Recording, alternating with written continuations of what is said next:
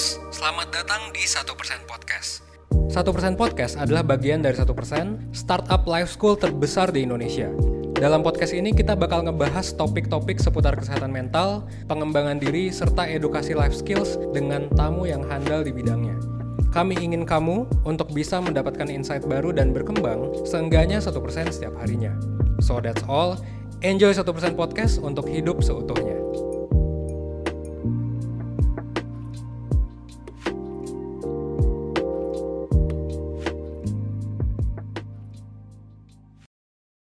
Halo, Perseners, kembali lagi bersama Yoga di sini dan kalian masih menonton satu persen podcast dalam format video. Satu persen adalah media edukasi life skills yang mengajarkan hal-hal penting yang belum diajarin di sekolah. Satu persen juga tergabung di SP Kolektif. SP Kolektif adalah sebuah ekosistem belajar yang bisa ngebantu lo buat mencapai hidup ideal atau hidup terbaik versi lo sendiri. Nah, gue bersama ya udah kenal lah Evan dan sekarang dalam segmen obrolan Gen Z kita pengen ngebahas hal yang sebenarnya dekat sama kita cuman jarang kita obrolin juga sih sebenarnya jarang kita pikirkan jarang kita kritisi Kalau kita sering mungkin. Iya. Mungkin orang-orang jarang. mungkin orang-orang mikirnya yang mentahnya, harga outfitnya berapa gitu kan. ya udah di spill ya apa sih bedanya baju sepatu kaos lah Iya. celana Tas. topi, tas. Apa bedanya semua barang tersebut? Apa bedanya barang dengan harga 100 juta dengan barang yang mungkin lebih murah 100 ribu atau Iya. satu juta? Sebenarnya apa sih bedanya sih? Kenapa ada orang yang beli barang mahal-mahal Iya. Padahal kaos 30 ribuan juga cukup, cukup. bisa? Bisa. Kenapa baju gua Wih keren Eh. sih. Ini berapa? 150 ribu itu. Murah lah murah ini. Baju lu berapa? Ini 200 sih. 200 ada nggak yang jual 20 juta misal? Ada. Bajunya Mark Zuckerberg. Nah, kenapa ada baju yang dipakai Evan dengan harga 200 ribu? Kenapa ada yang jual 20 juta dan ada yang beli? Dan ada yang beli. Kenapa hal itu semua terjadi dan kenapa kita terheran-heran Iya. dan bahkan gak relate, bahkan gue sendiri gak relate Iya. sih. Kayak gitu ya. Nah, Van, ini kan sebenarnya kan banyak banget ya faktor yang pengen dibahas. Oke. Dan ini kan sebenarnya kan soal gaya hidup ya, soal lifestyle dan lifestyle termasuk dalam satu budaya, satu culture gitu ya. Dan gue pengen mantik dulu nih, Hmm. hal yang bener-bener jadi payung semuanya. Menurut lo, lifestyle atau gaya hidup organik kah, bawaan lahir atau dibentuk oleh sistem, which is sistem kapital sekarang? Iya. Oke. Silakan. Eh, jadi kalau dilihat harga outfit gua tuh ya paling jadi review agar outfit. Iya, kita dari harga outfit dulu ya, biar gue tahu gue di posisi mana gitu kan. Celana gue tuh harganya ini 600 ribu. Iya, normal. Ya sebenarnya termasuk normal Ada sih. tujuh puluh ribu di sini, Iya. trip shop. Ada. Ya, terus. Pokoknya tapi dulu juga gue beli tuh yang 100-200. Cuman kebetulan pas sudah punya uang, ya udah gue beli yang 600. Pas sudah punya uang ya. Oke, Nah kan tadi ditanya lifestyle itu ad- eh, apakah organik organik atau bentukan atau bentukan sistem by design by design. istilahnya by design oleh kapitalisme Jadi struktural atau organik ya? ya Nah betul ini ini gua tuh 600, ini gua juga 400 gitu. Gue lupa sendal Hmm. gua. jam berapa jam gue Oh jam. Iya juga ya. salah Jam- sendiri lagi kan mau review outfit sendiri Jam 800 gitu. oke Nggak termasuk mahal sih. Iya, Maksudnya standar lah. Mereknya juga Casio, bukan Rolex. iya. Terus ya ini jadi review outfit gocap. ini mah cincin kawin. Nggak usah dihitung. Baju 200 Dua ribu Nah, hairstyle berapa hairstyle cukur selfie berapa cukur selfie berapa cukur selfie Gue cukur di mana ya? Gue lupa lagi. Oh di ada. Gue sponsorin aja deh. Barber Boss Antapani ya.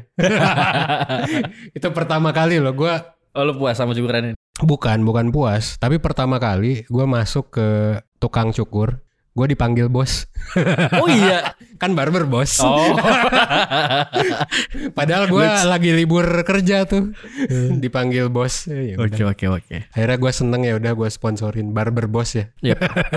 Oke, tapi eh, intinya tadi kan dari outfit gua, gua tuh mungkin termasuk yang kalau gua mahasiswa gua nggak akan nggak akan beli 600 sih, karena gua nggak punya duit kan. kalau punya duit nggak apa-apa kan masih punya duit Iya, maksudnya gua gua. oh lo ya siap gua dulu nggak nggak akan beli Yep. 600 gitu. Yep. Eh, bahkan baju aja gue belinya yang 30 ribu dulu tuh kan. Sampai sekarang masih ada dan masih pakai baju itu. Tapi gua ada di posisi mungkin tengah kali ya. Karena gua gak gak mau juga beli barang-barang seperti eh, tanpa merendahkan misalnya selevel Gucci itu gua gak mau juga sih. Meskipun price range-nya nggak nggak jauh lah. Oh iya. Iya kan tahu. paling 2 sampai 5 juta. Maksudnya cuma dua jauh gila. jauh ya. Berapa kalinya anjrit? Kalau 800 ribuan mah. Tapi orang-orang yang sepertinya gua tahu income-nya di bawah gua ada yang beli kayak gitu. Gucci, kayak ya. gitu-gitu. Tapi gua meskipun ya relatif lah ya, gua tahu income gua mungkin lebih gede daripada orang ini nih. Gua nggak akan beli si barang selevel Gucci meskipun gua Oke. tahu itu bagus. Oke. Gucci, Fossil, wah banyak lah pokoknya. Ya kan brand-brand yang sebenarnya mid end, mungkin agak nge-branding ke mid up, tapi sebenarnya dia masih middle sih, Oke. masih aksesibel lah Oke. daripada eh, brand-brand atas tuh Dior kali ya. Dior kayaknya masih ada yang aksesibel sih. Yang nggak aksesibel tuh mungkin kayak Supreme gitu ada beberapa hal yang kayak mahal banget gitu. Lebih dari 5 juta kan kaos. Bahkan kaos tuh ada yang sampai 100 juta, ada yang 1 M ya kan. Atau desainer brand, eh, maksudnya ya desainer gitu. Gua nggak akan beli sih. Tapi gua ada di posisi tengah. Nah artinya kalau ngelihat dari pengalaman gua, gua ngelihat ya tergantung kelas sosial gue di mana sih. Berarti struktural. Nah, kelas sosial tuh diciptakan dari mana? Kan struktural sih. Kalau menurut gua kenapa? Struktural, Karena struktural. Heeh. kenapa? Karena kalau lu lahir eh, dengan mindset tertentu, gua pribadi kan lahir nggak nggak yang langsung middle class yang bisa beli celana 600. Gue tuh dulu pas sama bapak tuh paling 100 200-an. 300 lah paling mahal. Ini tuh jadi kayak sebuah hal baru sih. Meskipun kayak buat orang di luar sana kayak nggak make sense. Tapi pasti buat orang di luar sana juga ada yang nggak make sense juga. Kok lu beli celana 600? Gue tahu tuh tempat yang lebih murah misalnya, yang harganya 100. Pasti ada yang komen gitu. Tapi pasti ada juga yang komen, lah gue udah biasa beli 600. Jadi masalah kebiasaan, kebiasaan dibangun dari kapan? Dari kecil. Dari kecil, ya itu artinya lifestyle itu. Lu ngebeli barang dengan harga tertentu atau apa, itu ya mostly struktural. Karena siapa sih orang yang bisa naik mobilitas ekonomi? Ya banyak, tapi dari mobilitas ekonomi, siapa memang yang bisa naikin lifestyle-nya? Atau siapa yang mau gitu? Karena gua pribadi aja mungkin nggak mau nggak mau meskipun bisa gua afford. Gue setuju sih struktural. Karena kalau menurut buku yang gue baca ya itu kan penulisnya Idi Subandi Ibrahim dan gue sementara nggak ngikutin banget dia cuman gue baca tulisan dia soal pop culture dan kebudayaan. Dan di situ selalu bilang gaya hidup lifestyle bahkan taste itu sebenarnya ya by design. Jadi memang ada semacam kayak pemilik model gitu atau Iya. kapital-kapital yang memang buat standar tertentu buat masyarakat. Dia bikin taste tertentu buat masyarakat. Jadi iya. mungkin karena efek ini juga ya. Ya efek kapitalisme sih. Jadi kan efek industri juga iya. gitu semuanya bisa dibuat dengan gampang. Dan bahkan dia bilang jadi bu- budaya itu atau culture itu kayak udah nggak ada yang organik dalam budaya sekarang dalam pop culture apa pun yang kita gunakan sekarang itu menurut dia itu bukan budaya asli tapi budaya yang dibentuk oleh kapital Iya, bahkan jeans aja kan sebenarnya gua lupa sejarahnya, tapi kan dulu tuh jeans itu dipakai oleh buruh kasar kan? labor ya Iya, kasar oleh tukang gali Iya, gitu, ha, ha. tukang gali dan pertambangan. ini tuh buat ini pan lu tau gak kantongnya tuh buat naro berlian Oh, gua nggak tahu sih. Iya ini tuh buat kenapa Gua dibikin kayak gini? Jadi tuh dulu tukang-tukang tambang suka nemuin berlian-berlian serpian Oh, kecil. gua baru tahu Dan sih. ini ditaruh, ditaruh di sini. Gua baru Gitu. tahu. Iya terus terus. Eh, tapi ya ini buat yang belum tahu kan, jeans itu sebenarnya kan awalnya itu ya baju buruh. Yap. Terus akhirnya kalau nggak salah tuh ada upper class yang make. Padahal itu bukan culture-nya. Dan memang kecenderungan upper class atau orang kelas atas tuh kan make bukan karena fungsi, ya kan? Bukan karena fungsi, tapi karena biasanya sesuatu yang lain lah. Kayak misalnya upper class tuh beli iPhone Oh iya sih bukan. kayak gue sering banget denger kan ada orang yang misalnya ada orang kaya beli iPhone terus iPhone-nya nggak dipakai sepenuhnya fungsinya terus dikatain tuh ah paling orang kaya itu mah kagak ngerti fungsinya emang bukan beli berdasarkan fungsi. Atau beli apa? Karena status bukan menurut lu? jam. Kalau buat middle class mungkin karena status. Tapi kalau buat orang kaya ya mungkin beli HP beli HP ya Pak, yang paling mahal aja. Bisa jadi karena kemudahan atau karena privacy atau karena apa. Cuman intinya kalau balik lagi ke jeans tadi Yap. si upper class itu menggunakan eh, barang yang tidak semestinya dia gunakan dan tidak fungsional juga tidak ada fungsinya. Yap. jeans itu kan kuat banget. Iya. dan ya orang-orang middle class upper class atau sekarang di society sih nggak butuh. Tapi dipakai karena simbol-simbol tertentu kan. Mungkin karena ya untuk buat jadi merakyat dan lain sebagainya. Yap. akhirnya kan di mass produce tuh sama eh, Levi's kayak gitu-gitu kan. Nah akhirnya ya udah jadi brand yang mendunia seperti sekarang gitu. Yang awalnya sebenarnya adalah buruh naik ke atas jadi Lebur.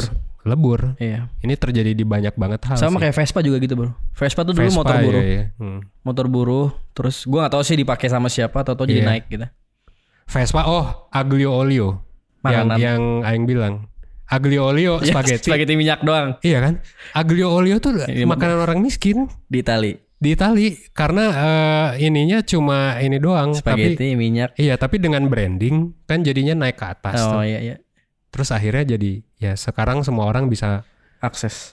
mengkonsumsi. Iya Nah, benar. jadi lifestyle itu sebenarnya by design atau apa? Eh, ya bisa dibilang mungkin akal-akalan kapitalis juga bisa. bisa dibilang seperti Akal-akalan. itu. Tapi eh, market ya menerimanya gitu kan maksudnya? Ya karena memang ada marketnya, Bro. Bener kar- juga. Karena memang ada marketnya dan memang kadang-kadang juga marketnya butuh juga gitu. Kayak misalnya jeans ya buat kita semua middle atau lower gitu ya. Kan mayoritas penduduk dunia itu kan middle lower. Ya nggak sih? Bu ya buat kita lebih enak. Maksudnya lebih enak as in lebih awet. Bahkan nggak perlu dicuci kan karena eh, apa namanya? Betul. Malah jelek dicuci kadang-kadang. Heeh. Eh, ini tuh kuat bakteri juga sih jeans Iya. ini. Menariknya itu. Tapi kalau dibahas ya, lu kan udah ibaratnya mencoba culture lain lah udah gitu. Gue lebih mahal sekarang sih Secara value, secara value. apa yang lu rasakan ketika pindah gitu? Kayak mungkin orang bingung ya. Tadi kan lu juga bilang sendiri Gue juga ngapain- bingung, gue sendiri bingung. Ngapain lu beli celana 500 gitu kan? Eh, tadi apa pertanyaannya? Ya lu udah jawab, lu sendiri bingung. Maksud gua Iya. kenapa maksudnya apa yang lu rasakan Oh, oke oke. gitu. Yang gue rasakan setelah gue mungkin mengakses income yang lebih besar Iya dan bisa dulu, membeli produk yang dan bisa membeli produk yang lebih mahal meskipun ini biasa aja Iya, sebenarnya. iya, iya. Rasanya adalah ya sekarang jadi kerasa biasa aja gitu sih.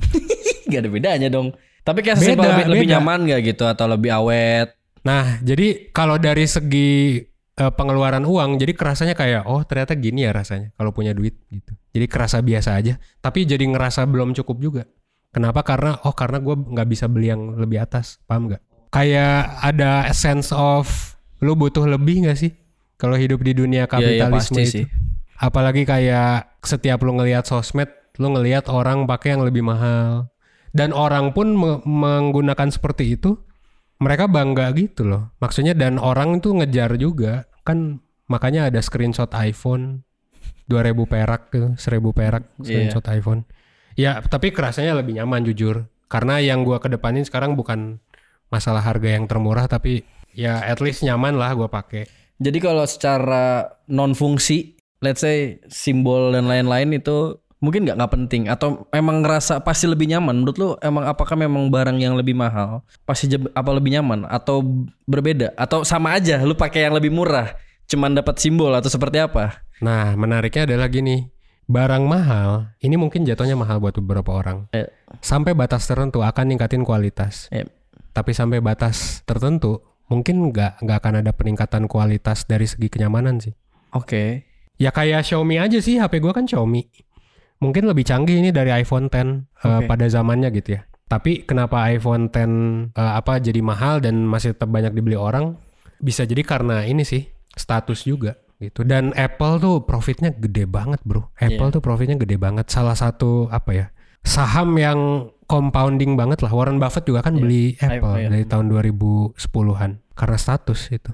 berarti kalau misalkan kita, kita bisa bedah kenapa ada orang yang beli barang let's say tadi ya eh, 10 juta misalnya celana 10 Iya. juta Celana 10 juta. sama orang beli celana biasa doang 100 ribu atau gitu atau mungkin sejuta, sejuta terlalu bagus ya 100 ribu lah Sejuta sama 10 juta deh, karena sama-sama bagus. iya sih Coba. kalau kita bisa analisis Heeh. apa pembedanya ya kayak kalau misalnya secara simbol gitu Iya. apakah memang harus dipamer-pamerin tanahnya Enggak juga dong Enggak juga, enggak juga. Harusnya Banyak dong. celana mahal kayak atau baju mahal kayak Mark Zuckerberg Iya. atau justru nggak keluar Iya. nggak keluar pamernya sense Iya. pamernya nggak keluar ya Justru kan kalau misalnya kita lihat Hermes gitu kan. Iya, iya. Hermes itu kan makin mahal logonya makin mengecil. Iya. Justru Hermes yang murah itu untuk middle class yang memang pengen terlihat. Yang logonya besar, Yang logonya besar tuh justru yang yang yang murah sebenarnya. yang murah sebenarnya. Yang makin mahal itu justru yang memang tidak kelihatan sama sekali. Silent. Iya sih.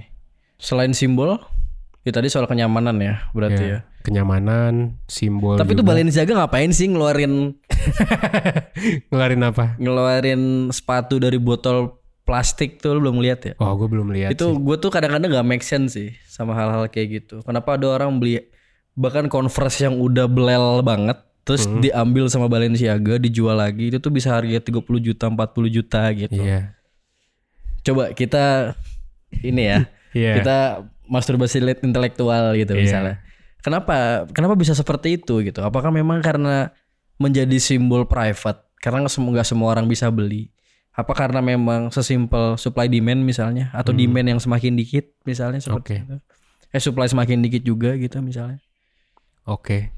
Pertama kita pasti akan ngelihat faktor brand, ya kan? Balenciaga tuh ya it's a high end brand dan juga kalau dari sejarahnya sih memang Balenciaga tuh kan nama orang Yep.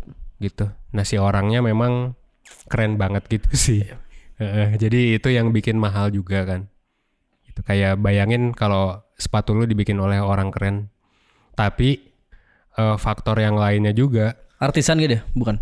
artisan rata-rata. Jadi Hermes kayak gitu-gitu sebenarnya Oh, iya. Ya? rata-rata artisan.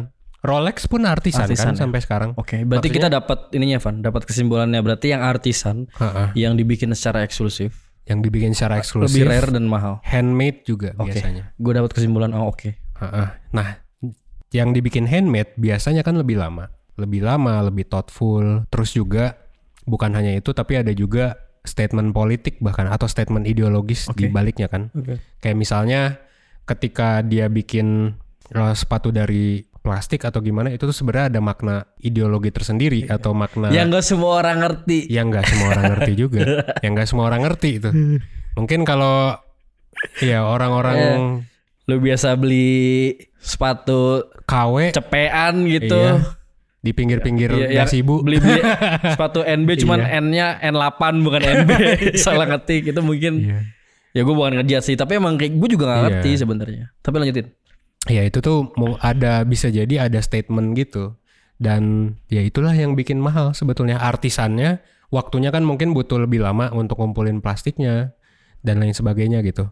Dan ditambah itu dibuat oleh satu orang, ethically made juga dan juga abis itu orang yang bikinnya juga mungkin punya staff juga kan. Meskipun artisan tuh artisan eh, staff para artisan gitu.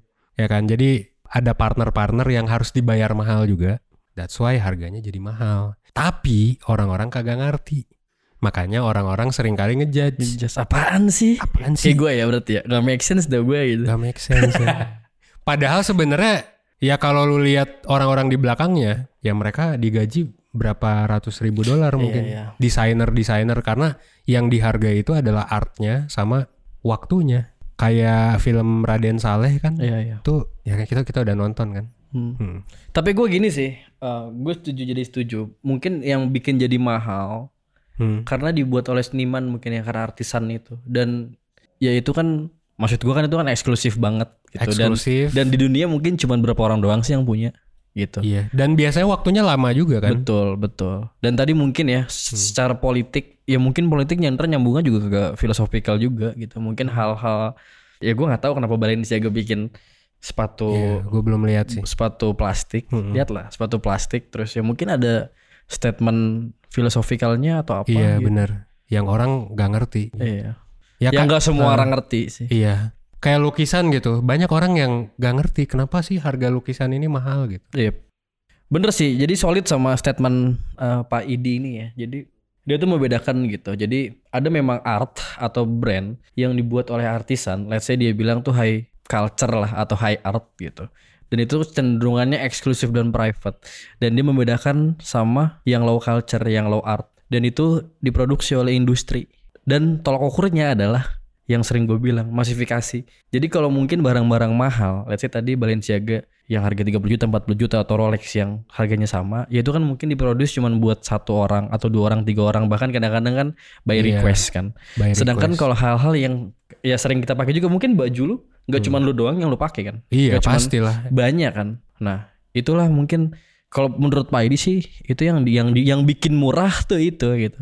Dia bilangnya kebudayaan masa gitu. Jadi di, di dalam budaya yang masa tuh ya orang-orang tuh pasti pakai produk-produk yang memang dimasifikasi dan cenderung dia bahkan bilang nggak meaningful gitu. Nggak meaningful karena ya udah beda lah lu mengkonsumsi yang tadi kita bahas, lu mengkonsumsi art misalnya Raden Saleh yang asli Iya. dibanding lu pakai kaos Raden Saleh misalnya.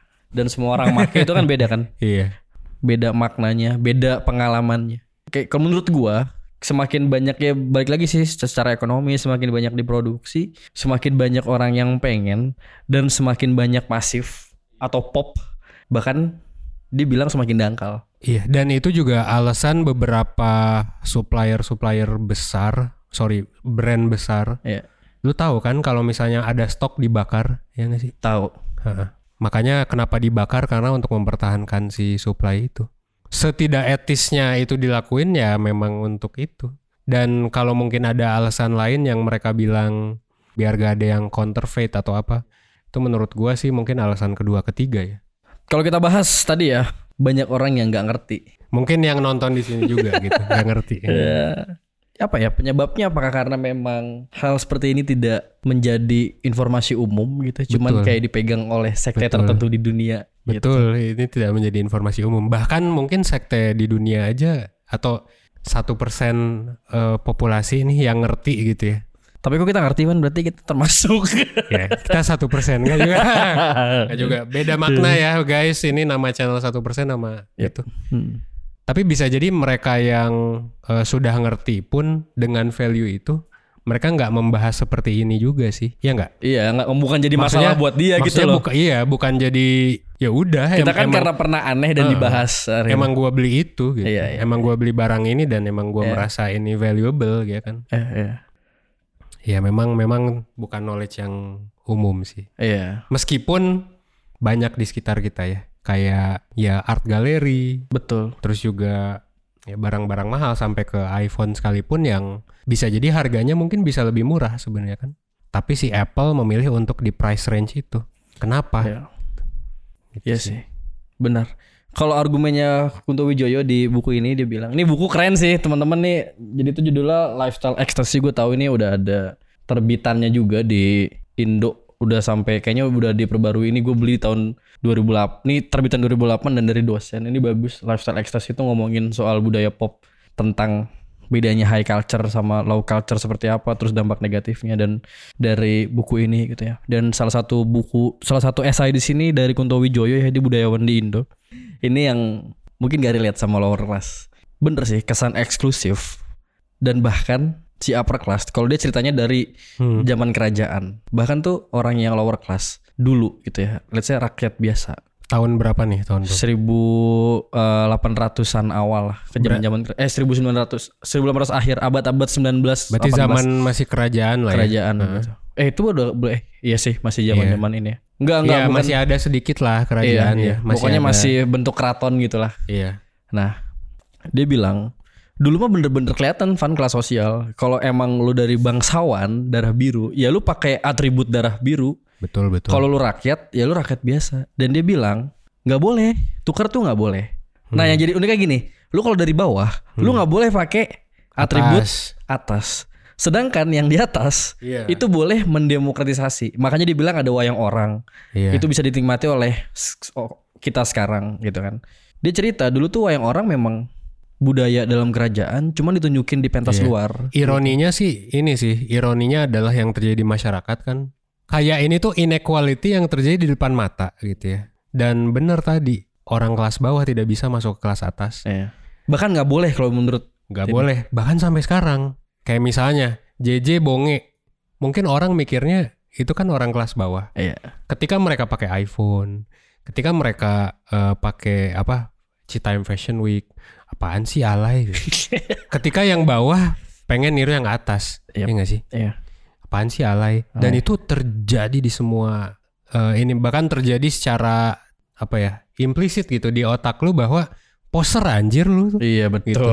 Iya kan Sedangkan sedangkan Nah, tahu. orang kaya eh, orang kaya yang pakai baju biasa aja padahal sebenarnya itu silent eh, apa misalnya bukan biasa aja tapi kayak yang sering dipakai sama kelas bawahnya yang lebih bawah gitu ya. iya kayak kayak misalnya Mark Zuckerberg lah sama apa Bill Gates gitu Iya. padahal kan bajunya tuh harganya 5.500 Iya, sampai mahal. sekian ribu dolar gitu. Nah, yang mana itu malah dipuji-puji. Yang sebenarnya biasa aja sih harusnya kan.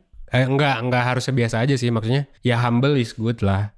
Tapi maksudnya itu bukan hal yang apa ya? Justru kalau dari kita lihat dari sisi ini dari bahasa budayawan malah cenderung orang-orang berarti mau melanggengkan inequality dong. iya kan? Kayak orang kaya dipuja-puja, orang miskin dihina-hina oleh middle class middle class Ini kayak secara kita historical ya. ini. Iya, kalau kita mau Budayaan ngomongin kita. secara filosofikal ya, itu ironisnya tuh seperti itu. Gue pikir tadi lu pengen ngomong gitu kalau orang kaya itu kalau mengakses hal-hal yang dipakai low- lower class Iya. itu bakal lebih dihargain dan bahkan jadi punya Betul. harga gitu. Betul, bakal lebih dihargain. Tapi itu ironisnya, Ya, berarti itu menjelaskan bahwa memang ada strata yang tidak terlihat kan? Ya terlihat sih. Kalau dulu kan kelihatan banget. Kalau sekarang kan nggak kelihatan. Lu nggak bisa ngelihat. Oh ini orang asetnya 1 m nih. Sekarang tuh lu nggak bisa. Karena kan jeans kayak gitu-gitu pakaian udah cukup terdemokratisasi. Betul. Oke, sekarang kita bahas secara inequality-nya dulu deh. Ini berarti pro atau cons nih. Kita pro dulu. Misalkan kita pro inequality misalnya. Misalkan kita upper class. Misalnya ya, misalnya upper class Iya. gue mengempati ntar gue bakal berempati ke lower class juga nih. Iya. Gue nggak mau gue barang-barang gue dipakai serius. Kayak misalkan gue ngeliat lukisan, ya gue pengen gue kalau misalkan punya duit banyak, let's say gue punya akses di mana-mana gitu Iya. ya. Gue kalau misalkan gue upper class gitu ya. Pasti gue bakal berpikir ya udah ini bakal punya gue doang karena ini Iya. menjadi pride buat gue melanggengkan. Bahkan si Raden Saleh aja kan dia pengen nggak apa-apa lah ya spoiler alert ya spoiler alert ya Mungkin pas udah diposting udah tayang kali di mana-mana. oh iya juga ya oh benar juga benar juga Iya. Tapi ya udah intinya si Raden, eh, lukisan Raden Saleh aja kan pengen dicuri oleh mantan presiden kan. Iya, iya. Dia pengen ngambil yang aslinya ditukar sama yang palsu Yang replika eh, buatan si Lupa namanya. Pico, Iya, si si Iqbal. Iqbal. Nah itu kan sebenarnya adalah keinginan yang mungkin tidak make sense gitu. Buat kita kita para lower class ngapain lu? Lukisan Pengen yang lukisan asli. yang asli. Sedangkan Sedangkan tapi itu replikanya aja. 2 miliar juga sih bro. Iya, cuman maksudnya kan bukan buat dijual, iya gak sih? Iya sih ya. Untuk di ruangannya dia, Buat di ruangan itu. dia. Dan private ya. private. Jadi value-nya itu udah nggak make sense orang-orang kaya itu.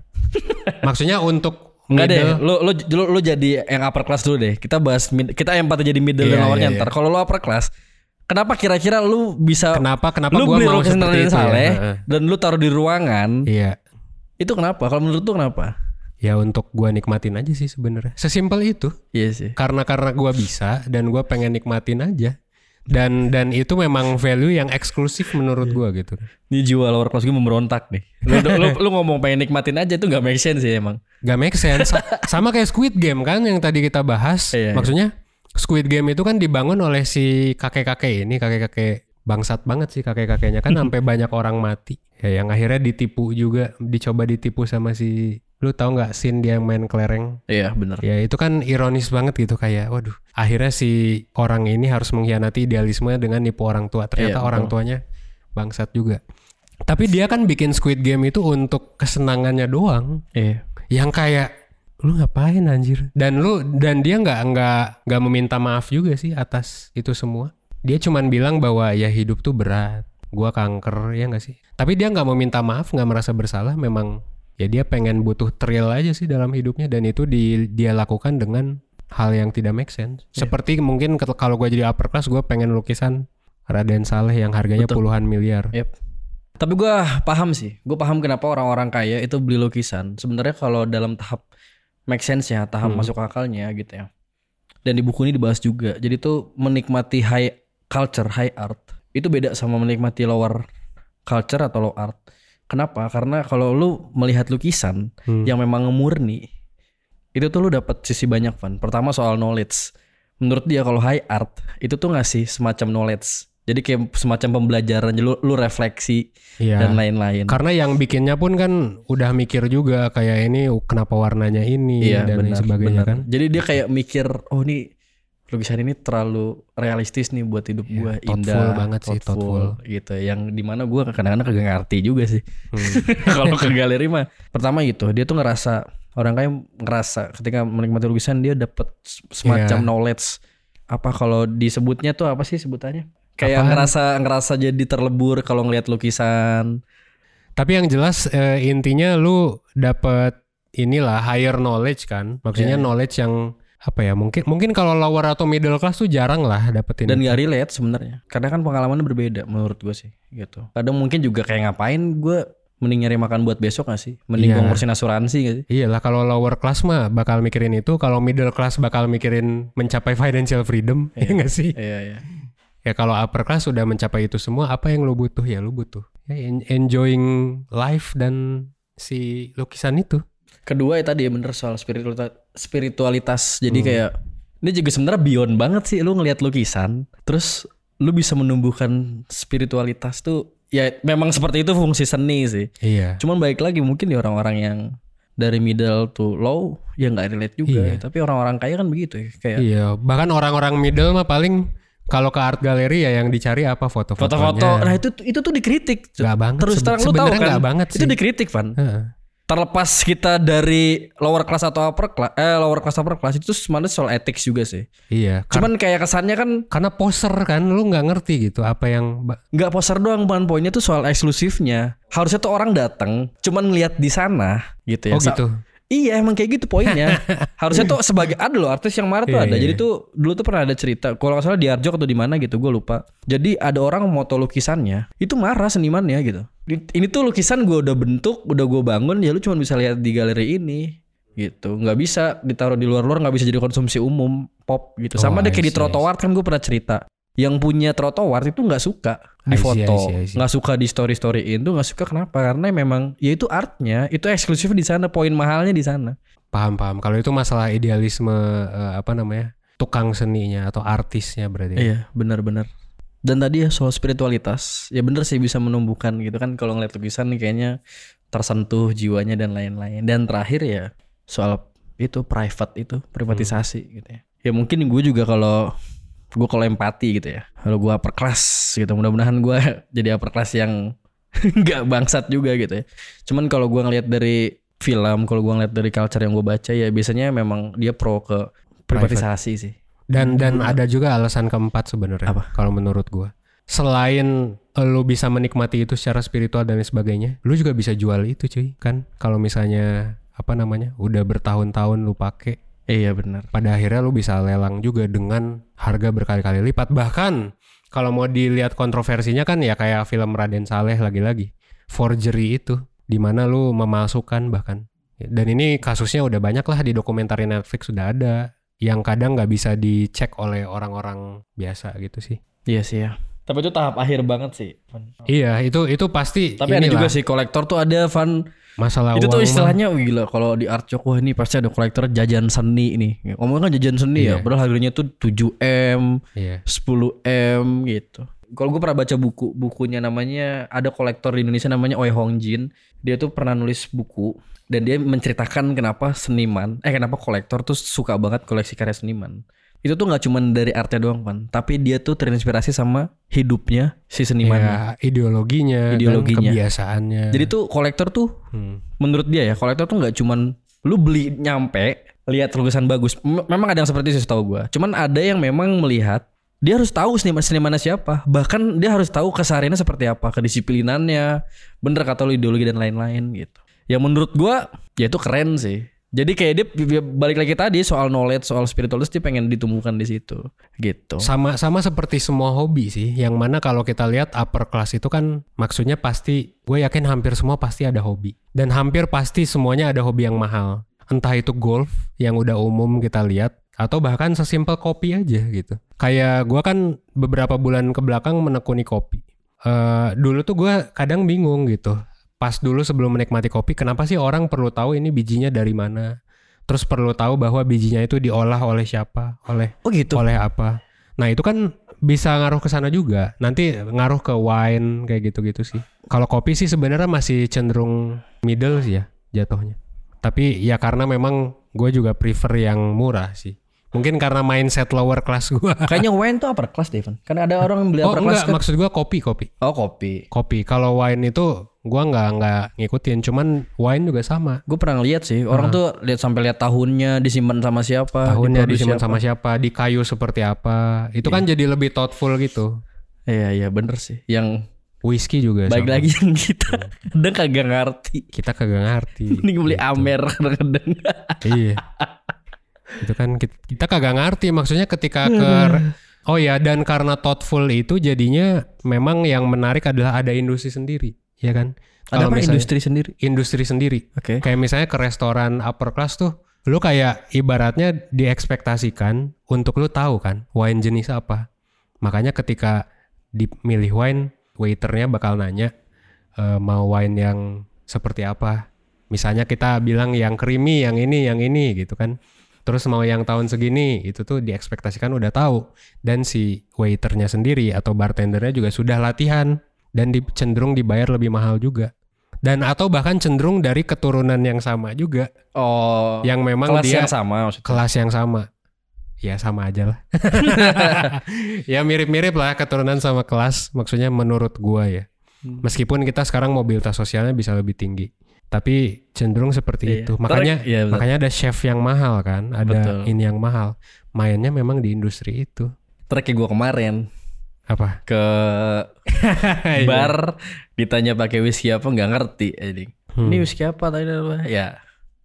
Ya iyalah gue beli whisky cuman yang pop doang gitu. Ini kan mungkin sebagian sebagian orang jadi negatifan ya. Dan tadi kan lu bilang ini kan ini jadi en- menurut lu jadi inequality nggak? Kalau di tahap hidup yang ideal, sebelum gua bahas yang dari lower class kita bahas Oke. yang lower class middle class. Kalau dibahas seperti ini, polarisasi atau binarisasi seperti ini, perbedaan seperti ya ini. antara upper class dan lower class ya kayak seakan-akan menggeneralisir bahwa semuanya seperti itu gitu kan Yep, itu kalau misalkan memang hal tersebut diabadikan, Hmm. entah by sistem atau si organik si upper class sendiri gitu. Apa ya gue membayangkannya kalau gue sih lebih bodoh amat sih sebenarnya kalau gue ya. Ya terserah lo mau ngapain.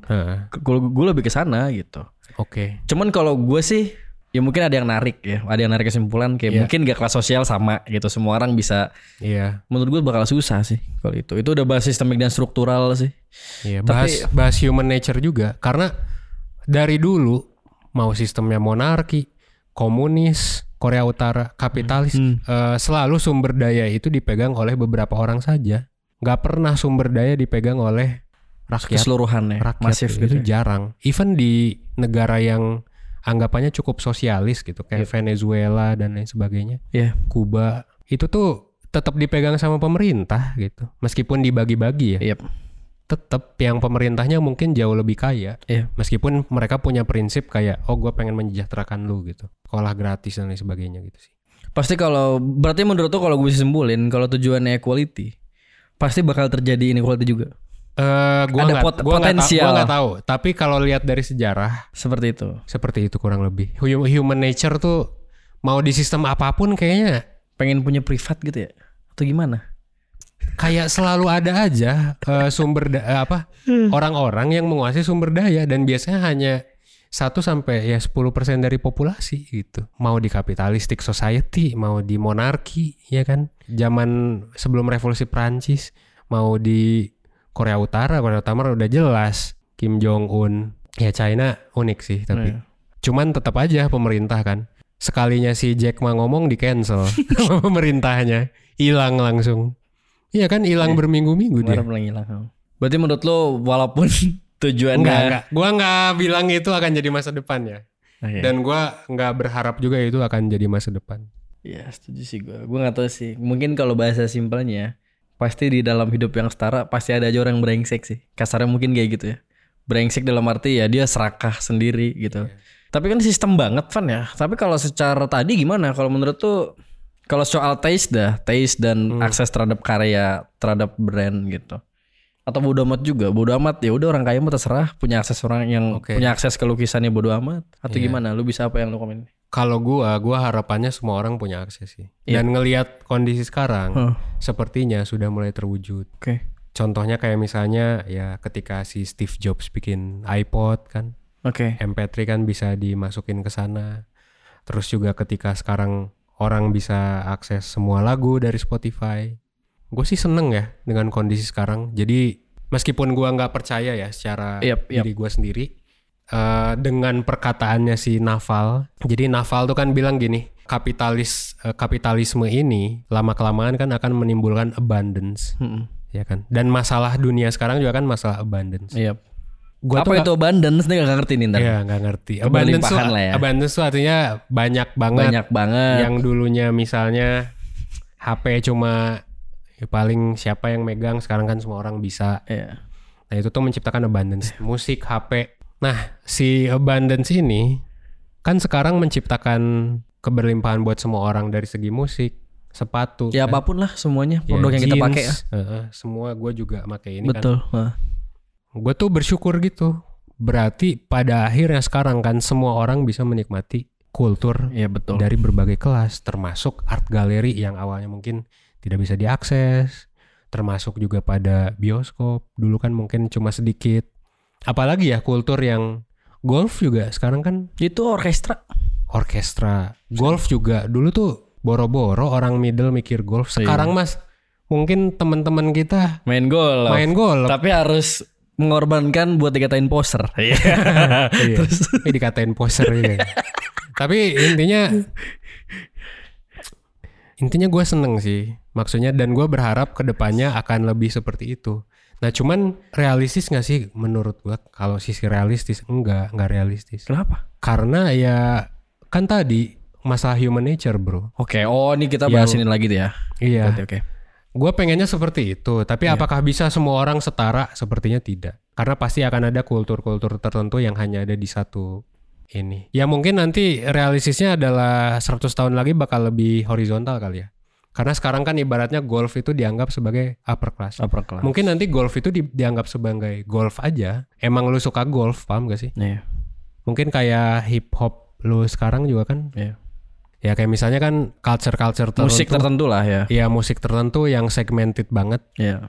itu tuh kan dulu mungkin kalau musik country kalau di Amerika Serikat gua nggak tahu sih sejarahnya tapi yang jelas misalnya segmen orang daerah tertentu aja atau dangdut Yep.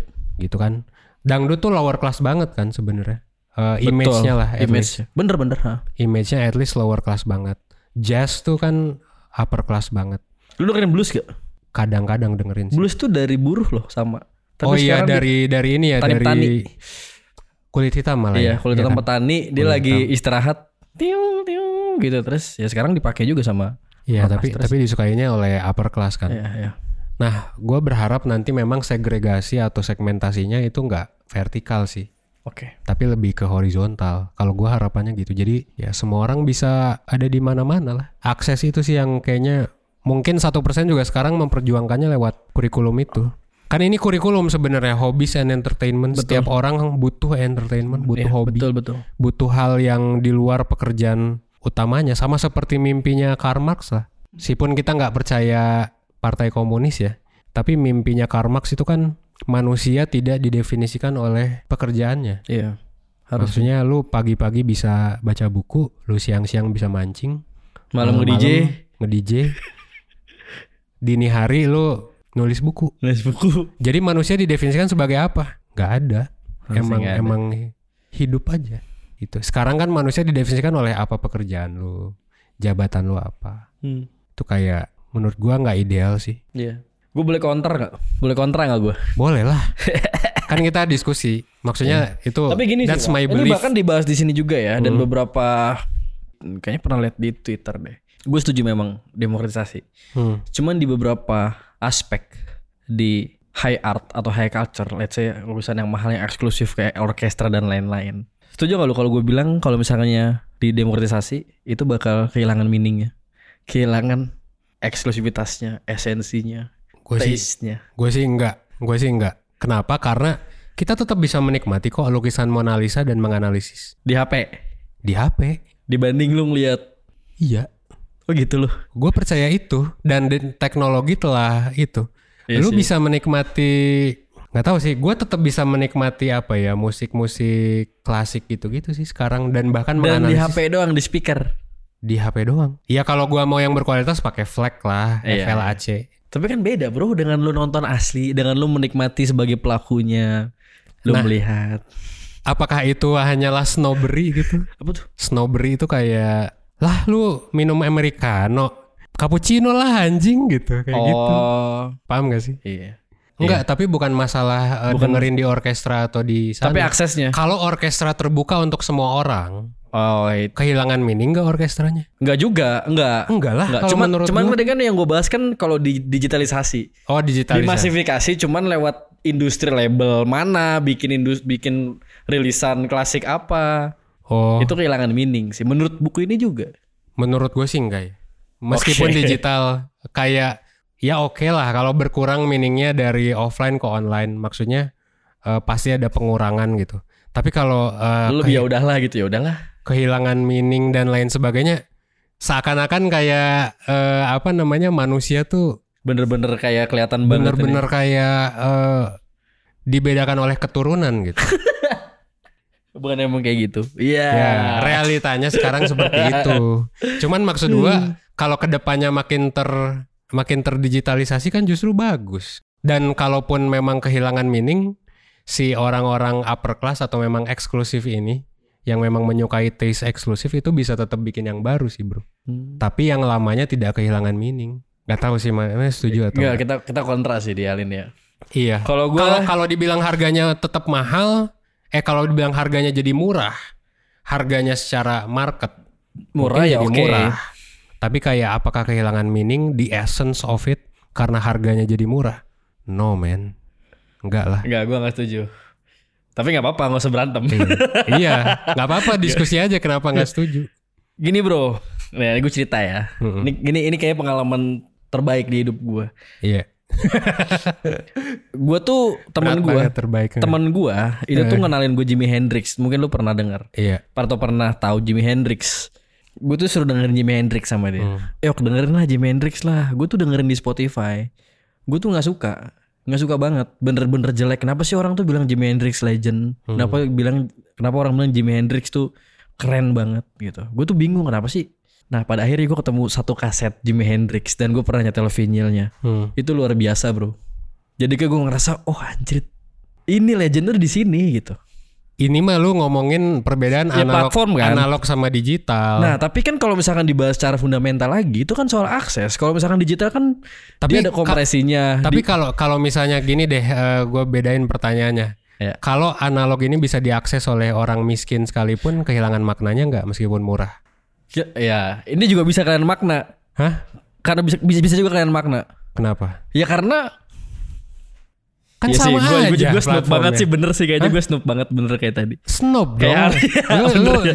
snob gitu kalau gitu. Jadi kayak lah lu kok digital ini dong atau kayak tukang-tukang kopi gitu loh Iya yang dia pakai bener sih kata lu. lu kok cappuccino americano Iya bener. dong. Gue setuju sama lu. Mungkin kalau misalkan tahapnya orkestra dan bisa ditonton oleh semua kelas, itu nggak bakal kalian makna.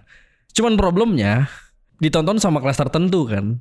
Dan kalau misalnya di kelas di- dinikmati sama kelas lain yang bukan format live, itu mungkin kehilangan makna karena ya tadi mungkin snob itu ya. Hmm. Menurut gue gitu sih. Tapi tapi eh, again kalau mungkin tiba-tiba misalnya orkestra bisa diakses semua harganya sepuluh ribu gitu. Ya bisa jadi kayak chaos juga sih berisik. atau Nah itu kan gimana. juga kan sebenarnya jadi kayak maknanya tuh harusnya tuh kan eksklusif. Ta- Tapi Yang eh, mungkin dikit. mungkin gua mau gua mau ngasih argumen yang pro lu kali ya. Iya pak. Kayak misalnya gini, kita suka suatu musik indie. Tapi ketika kita terkenal, ketika dia terkenal kita nggak suka, sering nggak kayak gitu? Kalau gue gue tahu teman gue banyak yang kayak gitu.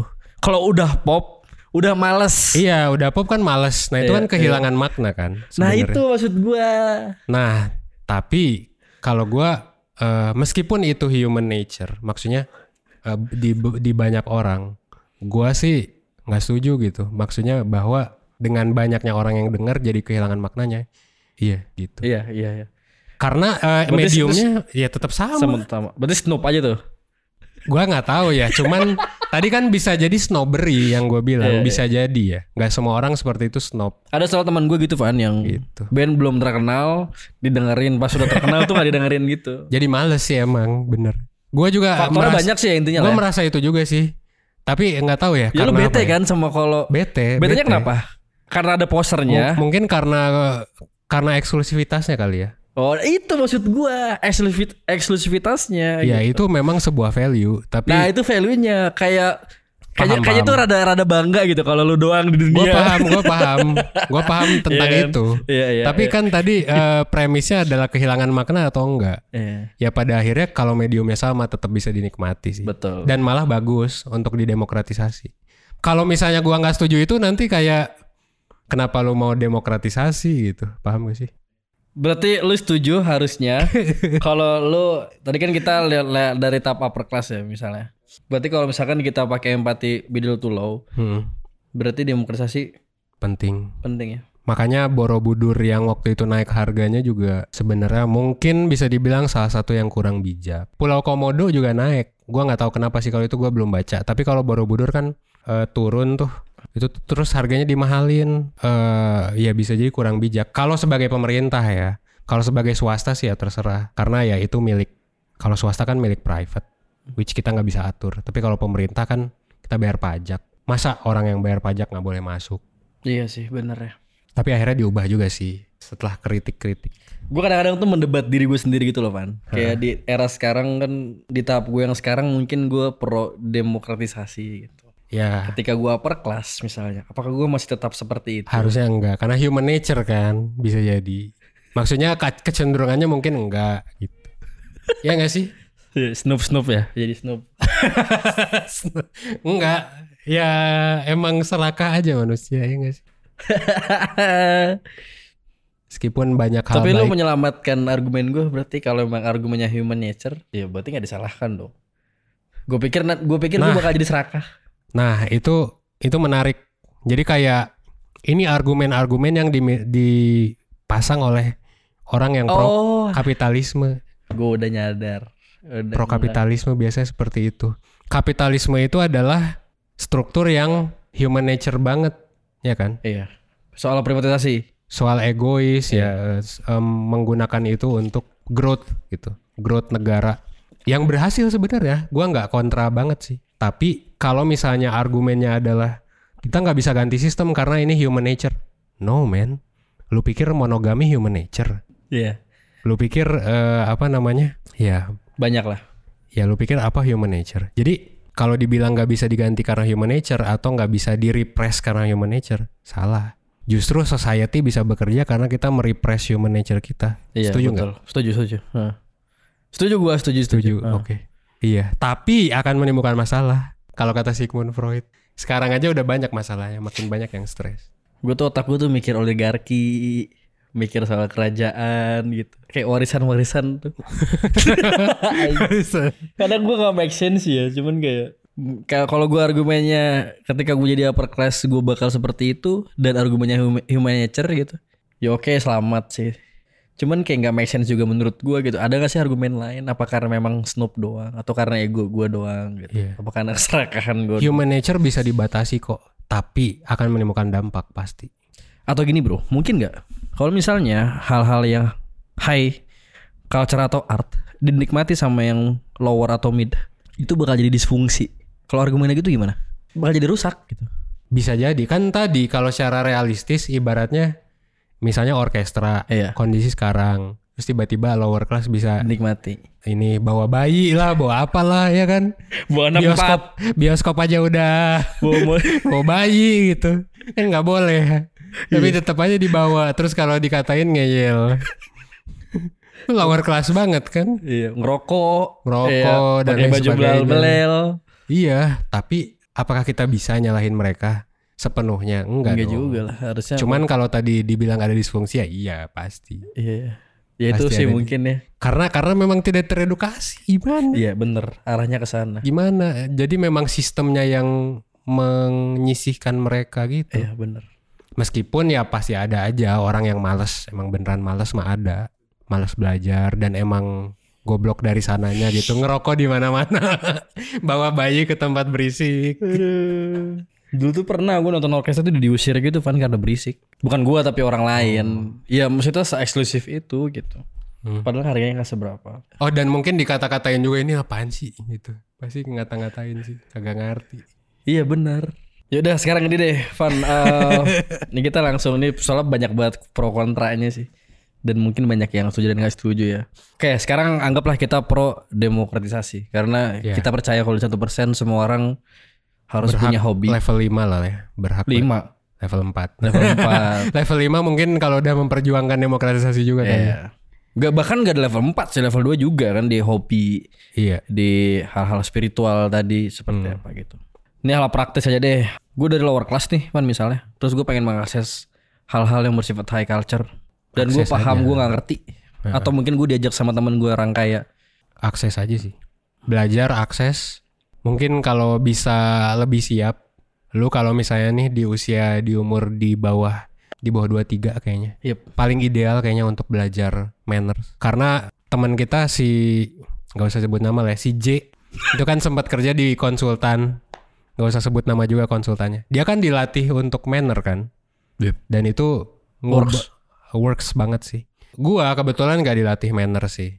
Tapi ada teman-teman gua yang masuk ke suatu perusahaan dilatih manner, ada yang nggak beda. Nah itu dilakukan di umur setelah lulus kuliah. Nah so kalau menurut gua di bawah umur 22 baca buku manner, tonton YouTube atau bahkan ikut kelas manner Eh. di satu persen. Ya kita bakal ada kelas benda juga ya teman-teman ya. Ya itu level 1 soalnya. Tapi lu udah bahas produk sih gue pengen bahas kontra kontra dulu dikit. Oke oke. Misalnya gini, eh, nanti gue juga ngasih argumen ya. Misalkan gini, kita belajar manner misalnya. Iya. Let's say dari hal apa pun lah dari kelas dan apa-apa Hmm. gitu. Menurut lo, yang kita tampilkan ke publik itu kita sebagai desain, sebagai kita yang dapat belajar, Hmm. dan apakah itu nggak bisa merubah sifat asli kita, human nature kita, organik kita? Menurut lu gimana? Menurut gue sih nggak penting ya. Nggak penting sih. Tapi yang lebih penting adalah gimana lo bisa fit in. Tapi Ke eksternal. Iya, tapi bukan fit in. I mean kayak eh, misalnya ada orang, wah kok lu minum am- cappuccino sih, gitu, americano dong. Yep. Lu bukan fit in untuk nge-impress dia. Iya betul. Tapi maksudnya lu fit in untuk ya memang lu mengerti aja. Iya. Itu mungkin niatnya kali ya. Ya setuju sih gue. Niatnya sih. Menurut gua ya. kayak kayak sholat ya. Yang penting niat. Gitu. yang penting dari niatnya. Lu Mungkin gimana? jadi keharusan juga ya di era sekarang sih. Karena kalau pengalaman terdekat ya buka gue deh. Gue tuh pernah ikut buka buka kerja Mm-mm. pas masih SMA atau kuliah gitu. Gue ngeliat buka gue Iya. ketemu klien dan lain-lain. Itu bener-bener sopan banget. Gue gak pernah lihat gitu dia di rumah gitu. Hmm. di rumah gini ya kakinya ke atas. gitu. Iya, nah poin gue tuh di sana. Ya ya ya. Gitu kan maksud gue kalau dia ketemu orang di level tertentu, di dalam konteks tertentu, dia bisa nggak jadi dia sendiri gitu. Gue nggak tahu sih dia yang mana tuh gue nggak tahu. Cuman dia bisa fit in bener kata lu tadi, gue Iya. setuju. Tapi sebenarnya nggak. eh, Bener nggak penting. Tadi kan gue bilangnya nggak penting. Iya. Cuman bisa juga kok. Maksudnya semuanya berubah, berubah. adalah diri dia sendiri. Oh. Menurut gue. Jadi bener-bener berubah. lanjut lah. Ya kalau buka gue di rumah ya masih kayak begitu, masih teriak-teriak juga. Hmm. Maksudnya masih ada sense gak sopannya dalam tanda kutip gitu beda kalau ketemu klien. Ya kalau gua kalau dalam tahap aplikatif dan pragmatis ya, apalagi gue pragmatisme ya memang harusnya seperti itu sih kayak dan tadi gue setuju sama lo ya emang harus fit in sih. Let's say ya udahlah kalau misalkan lu punya self awareness yang Iya. oke, lu paham kalau lu emang bobrok gitu. Hmm. Kalau lu paham kalau lu emang nggak punya etik yang baik karena lu berangkat dari kelas tertentu, let's say di lower atau middle gitu ya. Iya. Atau bukan etik yang baik deh, karena kalau ngomongin etik yang baik seakan-akan ada yang buruk kan. Iya benar. Kayak lower class sendiri kan ada etiknya. Iya, iya. Kayak kalau di lower class tuh ya udah santai aja nggak usah pakai kemeja anjir. Iya, kalau ke warkop Iya, benar. ya kan. Iya. Itu Ya juga udah. etik untuk pakai baju yang Iya. biasa aja gitu. Jadi yang penting output dan fit innya kali Van ya. Iya. Kita udah ngomongin ruang kan mungkin dalam ruang pribadi gitu ya. Atau ruang privat mungkin ya udah terserah jadi diri lo cuman kalau Iya. buat fit in ya emang gitu sih kalau pengen bahas secara equal dan ideal harusnya sih orang nggak kayak gitu misalnya cuman kan di Hmm. tahap sekarang ya menurut gua ya kata saya lebih aja sih semua orang kan lonte juga gitu Iya. Everyone sahur. Itu kayak quotes yang paling sering kayaknya. iya kayak gitu jadi teman-teman yang tadi yang ngerasa kayaknya yang paling dapat kita pernah bahas di level 1 ya mungkin yang ngerasa susah dapat circle karena taste berbeda ya mungkin di luar sana ada yang teman-temannya suka ke galeri Hmm. suka nonton film bahkan dia nggak bisa kayak gitu ya harusnya sih sebelum tahap level 3 bener level 1 dulu tadi ya Belajar aja. Ya, akses tuh banyak belajar nggak cukup sih duit juga duit duit tuh perlu anjir Iya iya. cash flow-nya dan Tapi lain-lain tapi ini em, ada juga kan orang yang bisa diterima di semua kultur. Lu percaya nggak ada satu kultur yang bisa diterima di semua kultur? Suhoki bisa kan kanan kiri kena deh Iya. yang penting sopan kan sebenarnya. iya, dia sopan. Sopannya itu sih yang perlu dipelajari. Jadi bukan masalah lu paham americano cappuccino atau lu paham lu bawa gagang golep yang harganya sejuta atau 15 juta. It's not about itu kan. iya tapi, lebih ke sopan. Kalau lu nggak tahu, lu nanya. Kalau lu nggak paham, nggak gerasak gerusuk gitu. Itu sih. Dan kalau misalnya lu nggak tahu ya izin aja. Toh, lu juga kalau misalnya di anggap aja lu masuk kultur baru lah. Misal kultur Jepang gitu ya. Lu masuk ke Jepang, terus kayak em, ya mohon maaf mas saya nggak ngerti gitu ada di sini boleh coba ajarin kan sebenarnya itu yang penting kan Hmm. sopannya itu loh Hmm. Con- being considerate with othersnya which is itu empati gak sih Iya bener. Jadi solusi yang terbaik ya kalau kita simpulkan berarti di awal kayaknya paling awal awareness dulu sih itu yang paling awal lah. sadar gitu bahwa lu tuh Lo tuh di bakal di cancel lo kalau nggak sopan. iya bener bener bener Bakal di kalau nggak sopan gitu. Kedua lu belajar apa tadi? Ya dari level 1 dulu sih ya belajar manner. manner ya Ya duit juga bener Sesimpel duit dulu manner dulu? sama sama, aja sama sih selevel sih ya. selevel tapi kalau boleh milih duit dulu duit dulu sih kalau nggak punya duit gimana beli Beli baju kelas, gimana beli kelas? gimana beli baju Iya, gimana beli kelas? bener bener bener ya. Ya mungkin tadi ya. Ini kalau bahas kurikulum tuh itu di level bawah sebenarnya. Jadi mungkin di level 3-nya kan lu pengen ketika lu punya temen yang mungkin beda kelas sama lu yang lebih tinggi mungkin gitu kan. Terus lu punya masalah nggak bisa ngakses itu ya berarti kan lu harus ngeliat ke bawah dulu, dicek dulu kira-kira apa, tes lu seperti apa, manner seperti apa. Iya. Terus buat masuk ke galeri itu kadang-kadang kan ada yang mahal juga anjir. Iya. Nonton orkestra 3 juta, belum beli jas. Oh 3 juta ya? 3 jutaan, orkestra 3 jutaan. Mahal juga sih. Iya, itu kan perlu duit juga. Iya. Dan dan sebenarnya yang enak di zaman sekarang kan kalau lu udah nyampe when you're at the top gitu ya, ketika lu ada di atas, lu tuh bisa ke bawah dengan enak gitu. Iya, kita Jadi- pernah bahas juga itu. Heeh.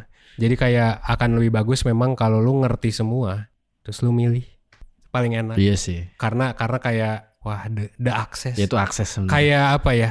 Life freedom gitu sih. Iya bener. Kan eh, yang biasa kita bahas adalah financial freedom. Padahal financial tuh nggak cukup. Iya. Kalau lu uang banyak, terus tapi lu OKB, Iya.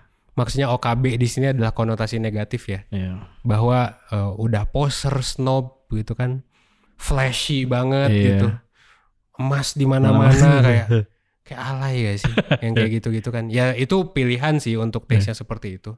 Tapi kayak lu at least kalau udah belajar dan grinding ke kurikulum atas, lu jadi bisa paham gitu sih. Eh, maksudnya kultur seperti apa yang lu pengen. Iya. Karena nggak semua kultur itu bisa bagus buat diri lu sih. Betul. Bisa jadi malah toksik.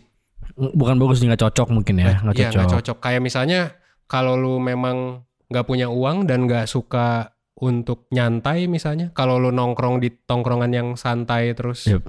apa namanya harus beli-beli banyak barang gitu. Iya. Kayak culture-culture ini kan custom gitu ya, yang mungkin stereotipnya tuh bisa jadi orang-orang yang udah ada duit bisa jadi nggak akan senyaman itu. Meskipun ada aja yang nyaman ya. Ini juga stereotyping, nggak semua kulturnya seperti itu. Tapi maksud gua, at least dengan lu ngerti dan lu grinding ke level atas dan lu ngerti semua kultur, Yep.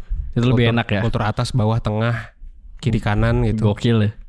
Itu lu bakal bisa milih dengan baik, bahkan lu bisa punya akses ke semua Iya. Semua hal. kultur. Which is Jadi fair. apa itu ya yang definisi apa aja ayo tuh kayak gitu ya? apa jayo apaan? Ada kan kayak gitu. Orang jaksel kan begitu. Hmm. Ya gue mah apa aja Oh ayo. apa?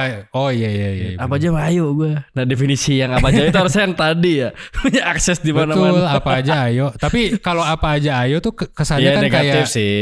kayak lu ngejablay, lu nggak punya prinsip lah. ya kan? Jadi ini tuh lebih ke wah, life freedom gitu itu keren gitu sih. Bukan cuma duit u- u- eh, apa? Hidup tuh ya. Iya. Punya duit aja bahkan bisa jadi nambah masalah. Mungkin orang temen sekitar lu bakal minta-minta duit ke lu. Lu bakal dikira sombong atau lu bakal dikena sentimen. Ribet ya hidup ya. Gue jadi mikir panjang anjir. Ya memang gitu sih eh di era kapitalisme kayak tadi gue tuh kayak mikir jadi ke sana tuh harus jadi upper class dulu baru bisa ya tapi emang keniscayaan ya di era sekarang gitu kayak minimal cukup lah buat mengakses hal-hal yang bisa dipakai sama upper class gitu Oh, lu mikirnya harus ke upper class dulu ya? Sebenarnya enggak sih bro. Tapi kalau bisa sih enakan gitu. Tapi enggak kok. Kayak orang kalau Makanya misalnya tadi gue bilang yang penting misalkan lu pen- penasaran yang penting lu bisa mengakses hal-hal yang dipakai sama bener-bener upper class gitu. iya, Menurut gue lebih lebih cukup lah. Buat middle class emang apa salahnya dia mengakses iya. hal-hal yang dipakai upper Sebe- class? Sebenarnya nggak masalah kalau orang anggap aja ya terlahir lower class, terus Iya. dia menikmati hidup di lower class itu, Iya itu- iya nggak masalah juga. gak masalah banget. Malah bagus. Kayak lu nggak perlu explore yang lain. Tapi kalau gua pribadi atau banyak orang di luar sana, kayaknya banyak deh yang perlu explore gitu. Kayaknya perlu main deh lu keluar gitu. Iya. Paham gak sih? Iya. kadang-kadang kayak biar biar develop diri lu gitu nggak salah sih nggak harus nggak harus nggak harus ke kelas atas ibaratnya jadi biar biar nggak pesimis banget kita kan Iya benar. Faktornya banyak banget sih Van menurut gue Van ini podcast ini solusinya ya. Kalau bahas akses tadi kan Hmm. ya lu dalam level 1 tadi udah soal mannernya juga. Bahas manner, bahas social capital juga harus bahas bagaimana social skills. Hmm. Ya baik lagi soal manner, belum soal duit. Ya intinya kita pengen bikin kelas saja. Apa judulnya? Kelas apa? Kelas etika kan? Uh, Iya. filsafat banget. Ethics eh, manner and ethics sih Manner and kayaknya. ya ethics. nggak tahu lah tergantung nanti namanya apa Iya, dan pasti ntar ada kurikulum dan silabusnya ya. iya gitu sih teman-teman ya dan sejujurnya sebenarnya ya kalau gue pribadi nggak tahu Evan kayak gimana Hmm. gue pun kadang nggak relate sama hal-hal yang bukan dalam culture gue gitu ya mungkin teman-teman juga nggak relate sih gue juga gue juga Iya, ya pun sama kayaknya orang upper class juga kadang-kadang nggak relate sama lower class Betul. dan sebaliknya juga. betul Dan sebenarnya nggak harus seperti itu sih. Cuman kalau kemarin argumen kita kalau lower class Heeh. mungkin lebih bisa mengakses semuanya. Cuma kan Iya. belum tentu relate juga. betul betul Gitu, belum tentu lo masuk dan fit in belum belum juga. tahu gitu kenikmatan nongkrong di warkop makan indomie buatan abang warkop gitu kan Iya. mungkin upper class Iya. lower class nggak tahu nggak ngerti ini ngapain sih gue ke art gallery lihat-lihat kayak gini kalau bukan Iya. foto-foto foto-foto bukan kalau bukan poster jadi ya tadi kesimpulannya kita tadi udah bahas banyak banget di awal. Sebenarnya tadi kita bahas baju sih di awal ya. Ya Emang itu- 100 juta. emang itu ini doang sih. Apa pancingan doang ya, bahas 100 juta Tapi sama semoga, semoga daging sama 100 ilmunya ya. juta. Eh sama 100 ribu. Terus kita definisikan sebagai tadi high culture dan low culture. Terus soal akses juga. Terus soal preferensi upper class seperti apa. Banyak lah gue nggak inget tadi. Bahkan soal bahas spiritual privatisasi solusinya lewat demokratisasi gitu dan tadi berangkat ke solusi gimana kalau ternyata demokratisasi itu solusi dan kita sebagai orang yang unprivileged atau let's say orang yang dari mid to, to low gitu nggak bisa mengakses itu semua. Ya tadi udah dikasih solusi ya. Belajar kurikulum sih basically ya. Nanti kay- kayaknya kita udah posting deh di level 1 kurikulum level 1 itu kita bahas soal manner dan etiket. Itu bisa dibahas. Salah satunya bahas itu ya, dan banyak banget eh, pembahasan lainnya. Dan kita ada kelas ya. Van kelas kelas eh, etika dan kelas manner. Gua nggak tahu ini udah diposting atau belum eh, page kelasnya. Kalau konsultasi berarti problem apa Van? Kalau ini ya soal ini ya. Mungkin pertemanan kali ya. fit in sih masalah circle. Circle Kalau- ya. Kalau lo ngerasa nggak cocok sama circle sekarang, lo ngerasa ya lo dimanfaatin dan lain sebagainya atau nggak punya temen curhat, Betul. mungkin lo bisa Konsultasi ya. iya konsultasi ke mentor 1%. Siapa tahu nanti dapat solusinya di sana dan bisa lebih tenang juga. Soalnya banyak kok. Ya 20 25% masalah konsultasi itu relationship dan masalah ketidakcocokan perihal culture biasanya. Dan ya manner dan juga etiket termasuk di dalamnya juga ada komunikasi. Yang mana komunikasi itu bisa jadi banget orang konflik karena perbedaan kelas Iya, betul. karena perbedaan edukasi. Yang yang misalnya gini kalau di film-film kan sering banget tuh anak tengah biasanya imo, anak eh, bungsu biasanya yang nurut-nurut, Hmm. anak sulung biasanya yang pendiam. Hmm. Nah, itu kan sebenarnya tiga itu aja udah beda beda kultur gitu. Kayak yang kayak gitu-gitu kalau misalnya lo ngerasa ada konflik di sana bisa konsultasi aja sih. Siapa tahu bisa ngebantu dan dapet insight. Iya, benar. Ya tadi dibahas ya soal circle berarti ya. Banyak sih masalah circle ya. Ya konflik sesimpel konflik teman gara-gara perbedaan taste. Terus lu berkonflik atau lu jadi ngerasa left behind gak punya teman curhat tadi dibahas juga ya. Silakan konsultasi ke 1%.net atau liveconsultation.id ya. Atau mungkin ini gak pernah gue tanya, mungkin teman-teman ya bisa fan taruh di kolom komen mungkin ya hal-hal yang mungkin harus kita bahas lagi kali ya yang bisa kita bahas kayak semacam request gitu kayaknya seru Iya, deh. boleh sih. Kita nggak pernah nanya itu dari awal Iya, iya, iya. mudah-mudahan nonton sampai akhir juga sih podcast kita sama orang-orang Iya, yang request boleh pakai hashtag request ya. jadi kalau teman-teman pengen kita ngebahas something ya silakan lihat di eh silakan taruh topik di kolom komen teman-teman ya dan kayaknya cukup sih ya obrolan kita di obrolan Gen Z kali ini ya cukup unik sih menurut gue pribadi kita ngebahas seni ya. iya bahas seni bahas art fashion. iya yang sebenarnya ngapain juga kadang-kadang dibahas gitu kan tapi Iya. penting buat dibahas karena social skill dan karena life skills juga menurut gue Betul, gitu. jadi stay tune terus di episode selanjutnya teman-teman tetap berkembang setidaknya satu persen setiap harinya. Gue Yoga dan Evan. Thank you. Bye bye. Thank you. Thanks ya udah dengerin podcast 1% sampai habis di segmen obrolan Gen Z bareng gue Yoga. Stay tune terus dengan follow akun 1% di berbagai kanal media sosial. Nah, lo juga bisa nih cek sister company 1%. Untuk layanan konsultasi di at liveconsultation.id, untuk belajar kehidupan lewat webinar dan kelas online di at liveskills.id, untuk belajar persiapan karir di at SP buat ngomongin masa depan di at si paling Gen Z, buat ngembangin bisnis dan UMKM lewat at Postmetric, dan lo juga bisa follow at spkolektif.id sebagai holding dari berbagai perusahaan tadi. Oke, sampai ketemu di episode selanjutnya ya. Thank you.